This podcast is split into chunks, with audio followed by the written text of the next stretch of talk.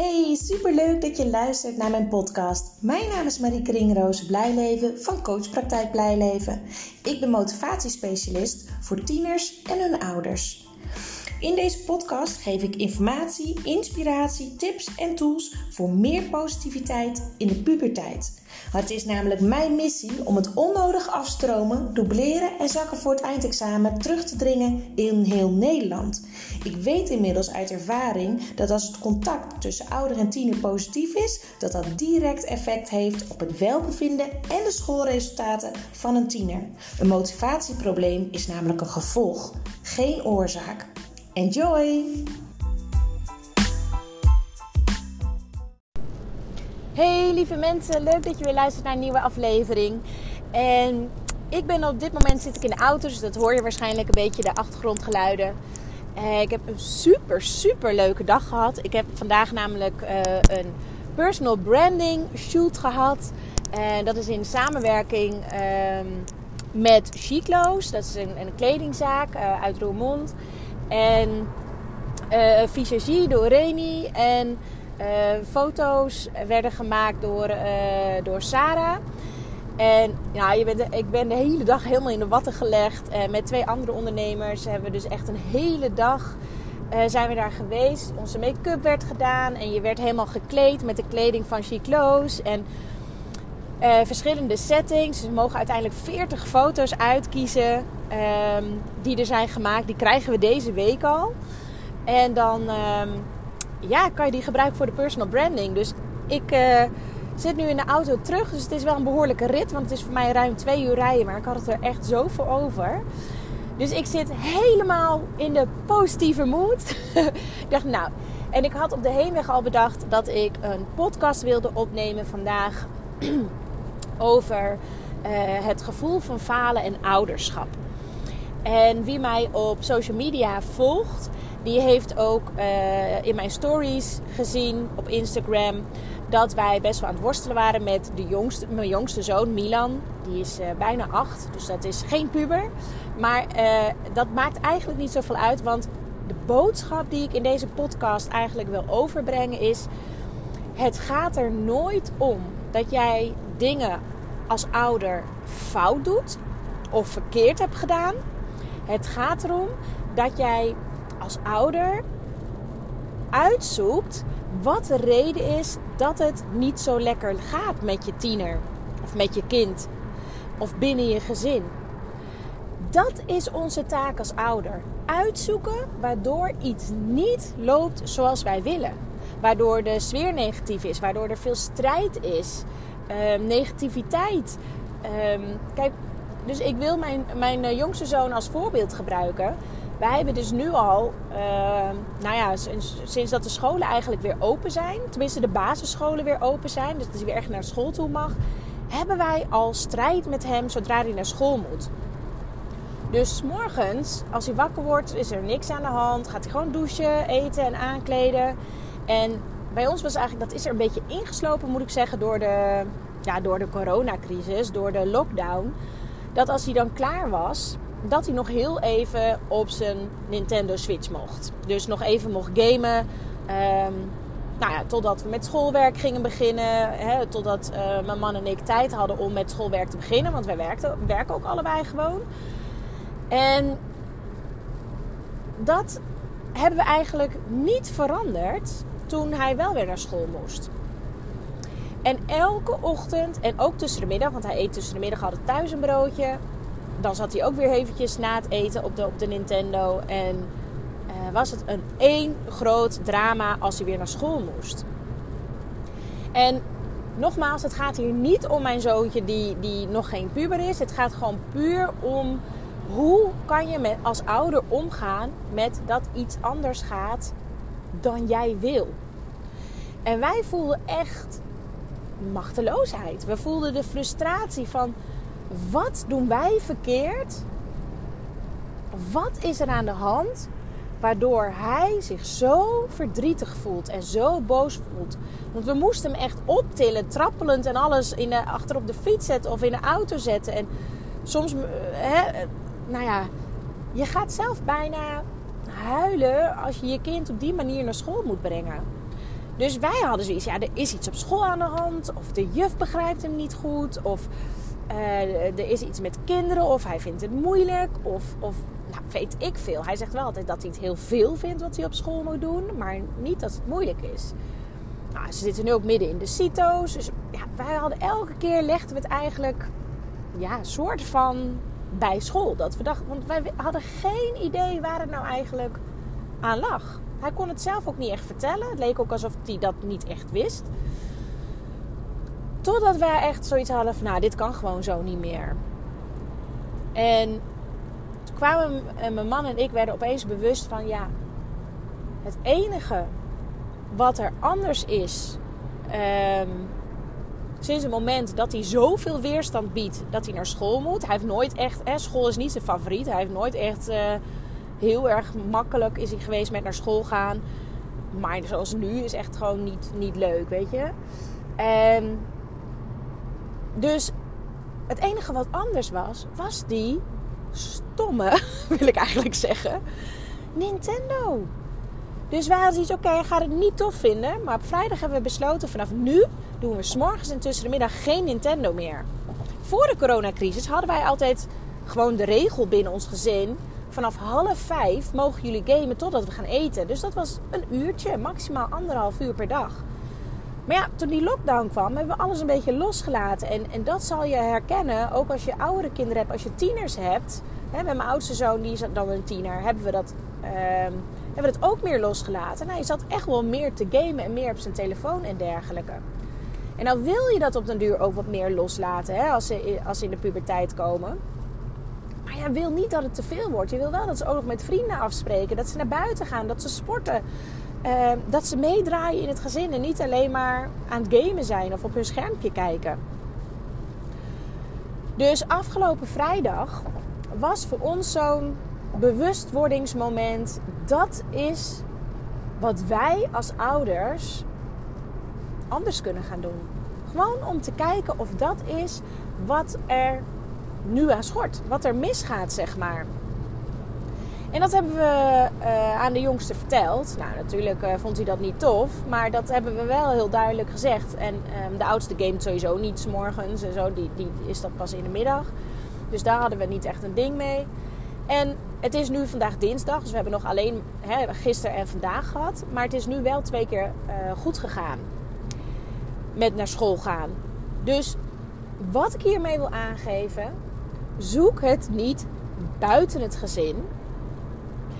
Maar kijk eens wat jij als ouder misschien anders doe, kan doen of anders hebt gedaan, waardoor je kind anders reageert. Zo had ik ook een tijdje geleden uh, ouders in mijn praktijk, een, een vader en een moeder, en die zeiden: Nou, we hebben alleen maar strijd met onze zoon. En dat is dus wel een tiener. En we hebben geen idee waardoor het komt. En hij, het interesseert hem allemaal niet, het schoolwerk. En het boeit hem niet. En hij had onvoldoendes. En ik zie hem nooit leren. En wat moet ik daar nou mee?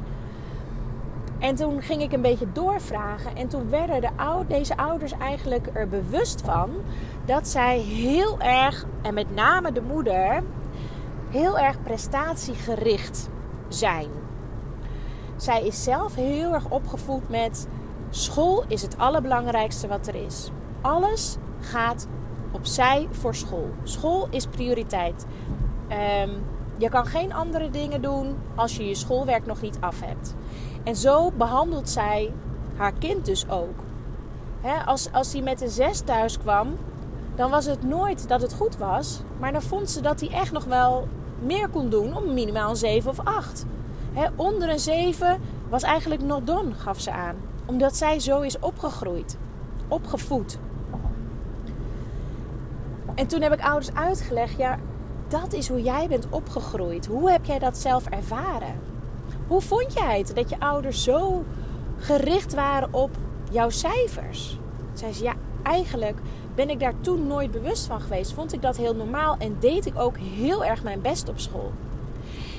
En dat hoor ik heel vaak uh, van moeders. En dan leg ik elke keer uit: er is echt een essentieel verschil tussen jongens en meiden. En ook tussen vaders en moeders. Meiden zijn over het algemeen ehm, veel streberiger, veel perfectionistischer als het om school gaat. Die bijten zich ergens in vast. Die gaan door totdat ze het idee hebben dat ze het kennen. Die ervaren ook veel meer stress op het vlak van heb ik het nu goed genoeg gedaan? En ik heb het al vaker benoemd in mijn podcast. Bij de jongens is het op een andere manier. Het is niet zo wat heel veel ouders denken dat het hun helemaal niks boeit, dat het hun niet interesseert. Absoluut niet. Maar wat wij als ouders vaak doen, wij benoemen elke keer het boeit je ook niks. Je doet helemaal niks. Ik zie je niet werken. Weer een onvoldoende. Wij drukken elke keer op die zere plek. En als je er bewust over nadenkt, begrijp je ook wel als ouder dat je zoon of je dochter, maar in veel gevallen is het zoon, echt wel weet dat hij er niet goed voor staat. En echt wel weet dat hij het jaar op deze manier niet, uh, niet haalt. En echt wel weet dat hij op deze misschien, manier misschien naar een ander niveau moet. En no way dat hij dat wil. Dat wil hij niet. Dus wat wij eigenlijk doen, is ervoor zorgen dat onze tiener uit contact gaat.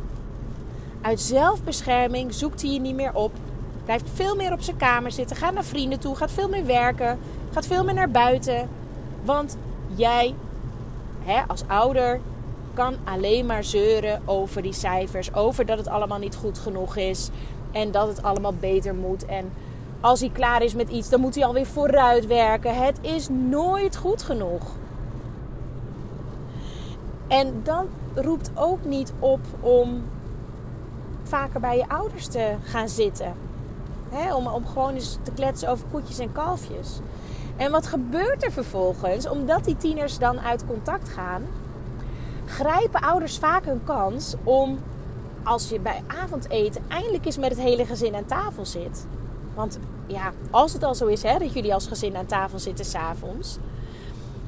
Want hoe vaak is het zo dat je op andere momenten van de dag met elkaar Ehm, een rustig moment hebt. Maar wat gebeurt er dan? Dan creëer je dus eigenlijk een ontspanningsmoment met elkaar aan tafel. Maar die verpest je even heel bot gezegd door dan weer op die zere plek te drukken. Dat je je zorgen maakt. Dat je hem nog niet hebt zien leren. Dat je weet dat hij morgen een toets heeft en of hij het al wel kent. Of hij zijn huiswerk wel heeft gedaan. Dat je weer zag dat hij heeft gespijbeld bij een online les bijvoorbeeld. En wat zorgt ervoor? Je tiener vindt het helemaal niet meer leuk om aan tafel te komen met het eten. Want dat is eigenlijk een soort strafbankje. Wat veel interessanter is en veel waardevoller is, is dat wij als ouders dus niet zozeer bezig zijn met ons kind doet zijn best niet. Ons kind faalt. Wij falen als ouder. Wat doe ik fout? Want daar vallen we heel snel in. Dat we het idee hebben dat, dat wij falen als ouder als ons kind het niet goed doet. Wat natuurlijk nergens op slaat. Want ons kind is een ander persoon. Wij zijn ons kind niet. En heel belangrijk, ons kind is niet ons. Die is iemand anders. En zo mag je echt ook benaderen. Het is geen verlengstuk van jou als ouder. En dat is dus een groot verschil ook tussen uh, zoons en moeders. Hè? Moeders vinden het heel moeilijk om hun zoon te begrijpen, die dus niet zoveel aan school doet, maar weet dat je zoon misschien niet zo hard werkt voor jouw gevoel, maar dat hij het wel belangrijk vindt om mooie cijfers te halen. En echt wel ambitieus is. En het um, vaak zo ambitieus dat ze zelf niet eens weten hoe zij hun eigen um, doelen kunnen behalen. Dus het is vooral waardevol om te kijken wat zorgt ervoor dat hij onvoldoendes haalt. Weet hij misschien niet goed hoe hij het huiswerk moet aanpakken? Vindt hij moeilijk om prioriteiten te stellen? Heeft hij eigenlijk in de onderbouw en op de basisschool nooit echt hoeven leren? En ja, vanaf de vierde klas knalt het opeens de diepte in. Maar als jij nooit hebt hoeven leren, hoe moet je dat dan nu aanpakken? Want even lezen is niet meer genoeg. Dan red je het niet qua cijfers. Dan ga je onderuit.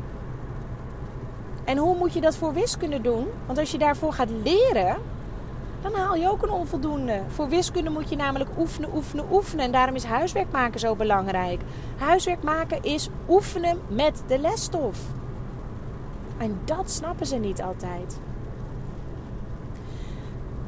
Dus wat ik met deze podcast eigenlijk jullie wil meegeven, is ga samen met je tiener uitzoeken waardoor de onvoldoendes te komen. Waardoor het niet lukt om voldoendes te halen. Los van te zeggen dat hij niks doet. Want hij weet zelf ook wel dat hij te weinig doet. Er is een reden waarom hij niet zoveel doet. En als je samen gaat kijken zonder oordeel en doorvraagt totdat je het allebei begrijpt, dan kan je er wat aan doen. Zo had ik van de week een online gesprek met een, met een tiener. Of had ik een gesprek met een tiener over online lessen. Hij heeft een aantal vakken. Uh, vier vakken waarbij hij nu nog onvoldoende staat en die hij graag wil ophalen. En hij gaf aan, bij drie van die vier vakken lukt het nu inmiddels om goed op te letten in de les en serieus mee te doen. Dat was toen het traject begonnen nog helemaal niet zo, maar dat lukt nu wel. En hij hoeft er helemaal niet heel veel moeite voor te doen, want hij wil gewoon opletten. Maar dat ene vak, het vak geschiedenis, blijft achter. Dat lukt niet. En wat doet hij dan? Dan gaat hij op zijn mobiel zitten. Want ja, weet je, die geschiedenis, het interesseert hem allemaal niet zo. Ik dacht, daar is een verschil. Dus we hebben uitgezocht, wat zijn nou de verschillen tussen die drie vakken waarbij het wel lukt om op te letten. En dat ene vak waarbij het elke keer eigenlijk weer misgaat en dat je toch weer naar je telefoon grijpt. En ik vond het wel grappig wat eruit komt, want ik krijg dat wel meer te horen van tieners. Door het daarover te sparren en door te vragen, werd duidelijk dat de docent geschiedenis alleen maar aan het zenden is wat er al in het boek staat. Dus deze docent vertelde eigenlijk zo ongeveer, hè, volgens deze, deze jongen, letterlijk wat hij zelf al in het boek had gelezen. Dus dat voelt als nutteloos. En de andere drie vakken waar hij dus geen moeite had om op te letten, die, doen, die, docenten doen het interactief. Die stellen vragen aan de leerlingen terwijl het online is. Dat kan prima. En je kan dan ook je huiswerk direct nakijken. Dus ze bespreken het huiswerk. Je kan checken of je het goed hebt. En dat is eigenlijk een hele eenvoudige aanpassing voor een docent. Om ervoor te zorgen dat een leerling, met name in de online lessen, maar ook eigenlijk gewoon in een klaslokaal, beter kunnen opletten, willen opletten, maar ook gewoon qua spanningsboog beter kunnen luisteren. 10 minuten luisteren en daarna interactief is veel waardevoller dan drie kwartier tegen de klas aan praten. Dan gaan ze andere dingen doen. Maar goed, wij kunnen de docent niet veranderen. Deze jongen zag, zag het op zich wel zitten om op den duur het docent mee te geven. Van nou ja, ik merk dat ik het hierdoor moeilijk vind.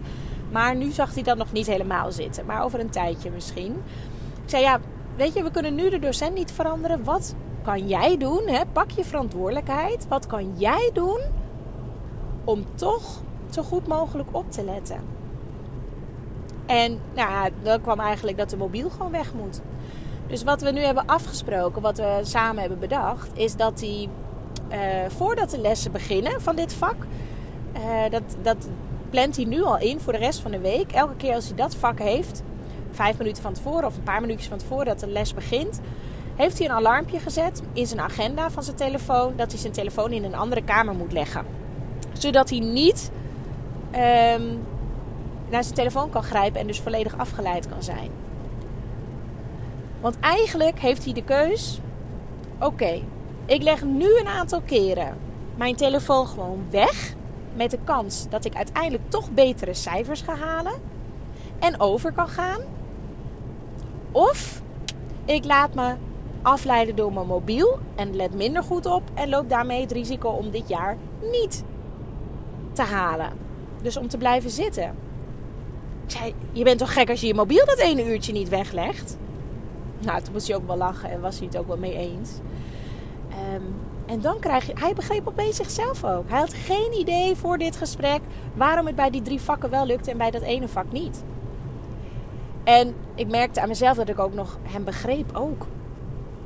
En ik zei, het zou gek zijn als ik zeg, nou dan let je niet op. Want dat slaat ook nergens op als de docent alleen maar aan het zenden is. Dat zei ik ook tegen hem, dat kan ik moeilijk zeggen. Uh, en dat snapte hij zelf ook wel. Dus nogmaals, zoek samen met je tiener uit wat de reden is dat iets niet lukt. Zonder oordeel, samen, maak er een team van. jij en je tiener. En uh, dan weet je ook hoe je het kunt veranderen. Denk aan het voorbeeld van mij met mijn jongste zoon. Elke dag huilend naar school, één groot drama. En opeens beseften wij dat ene wat we niet hebben veranderd, nu die wel weer naar school gaan, is dat stomme gamen. Ik mag niet zeggen stom, maar ik vind het stom. Want die schermpjes is toch een ding en een uitdaging. Um, maar goed, ik hoop dat je hier wat mee kan. En dat je ook het idee hebt um, hoe je samen met je tiener kan uitzoeken wat de oorzaak is van de worsteling, van het negatieve en dat stukje. Dat is namelijk wat, waar ik me ontzettend voor inzet in mijn praktijk en waar ik heel veel ouders en tieners ook mee help. Waardoor ik ook steeds vaker gesprek heb met ouder en tiener samen. En dan ben ik een soort tienertolk om te vertalen wat de ouder eigenlijk bedoelt. Vertaal ik naar de tiener en wat de tiener eigenlijk bedoelt, vraag, uh, vertaal ik naar de ouder. En daarnaast is het ook zo dat, dat het. Ik ben neutraal. Dus ik kan het gesprek leiden en begeleiden, moet ik zeggen, zonder emoties. En als je onderdeel bent van de situatie, dan voel je emoties en voel je frustratie. En dat heeft de tiener ook. Als hij zich niet begrepen of niet gehoord voelt, of continu het gevoel heeft dat hij nooit iets goed doet, dan reageert hij ook vanuit emotie. Dus dat is ook nog een tip die je kan meenemen om er alles uit te halen wat je wil. Word bewust van je emotie. Parkeer je emotie. En sluit volledig aan bij je tiener om hem te begrijpen. Hem of haar te begrijpen. En zodat je ja, eigenlijk daarop aan kan sluiten en samen kan uitzoeken hoe nu verder. Nou, volgens mij is mijn punt duidelijk. Um, heel veel succes met het oefenen en als je vragen hebt, dan hoor ik het graag. Vind je mijn podcast waardevol? Dan zou ik het super tof vinden als je op iTunes een beoordeling achterlaat. Als je helemaal naar beneden scrolt bij mijn podcast op iTunes, kan je een beoordeling achterlaten. En daarmee zou je me super erg helpen en heel erg andere ouders helpen. Want daardoor komt mijn podcast veel meer um, omhoog, zeg maar. En kunnen ouders mijn podcast makkelijker vinden. Waardoor ik nog meer ouders kan helpen met het krijgen van positiviteit in de puberteit met hun tiener. Onwijs bedankt alvast en ik wens jullie een hele fijne woensdag. Doei doei!